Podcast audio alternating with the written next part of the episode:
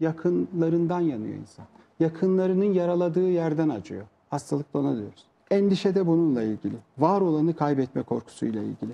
Endişeyle başa çıkmanın insanın üç tane yol tarif edebiliriz. Yaz, kaybedilenin kaybedildiğini kabul edip onunla olan bağlantılarımızı çözmektir. Bir ay sürer, iki ay sürer vesaire. Kırkını okuturuz geçer. İnsan bencil de bir varlık. Yani birinin yasını da şundan dolayı tutarız. Beni seven birini kaybettik diye tutarız. Başkasının cenazesine gittiğimizde bile kendimizi sevenlerin ölümünü hatırlayıp ona alır. Ama orada hani o kayıpla ilgili sa- sağlıklı bir vedalaşma var. Melankoli nedir? Melankoli kaybın inkarıdır aslında. Kayıpla narsistik bir özdeşleşmedir.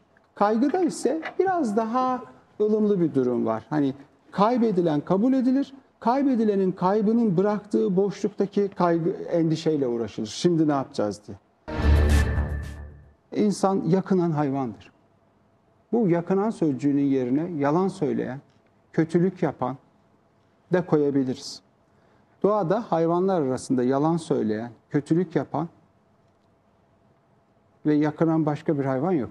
Ya birinin dedikodusunu yapıyoruzdur, ya şu filan parti olmasa başımıza şu işler gelmezdi, çevre, çevreyi kirletmeseler şu olmazdı, komünistler olmasa şu olurdu, faşistler olmasa bu olurdu. Mutlaka birileriyle ilgili bir kötü ararız biz. Yani kendi hayatımıza ve kendi söylemlerimize baktığımızda Bakarak, yakınmalarımı çıkarayım dediğimizde bütün gün susmak zorunda kalabiliriz.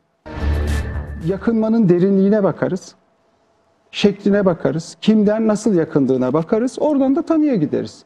Eğer yakınma biçiminde şüphe varsa akıllıdır.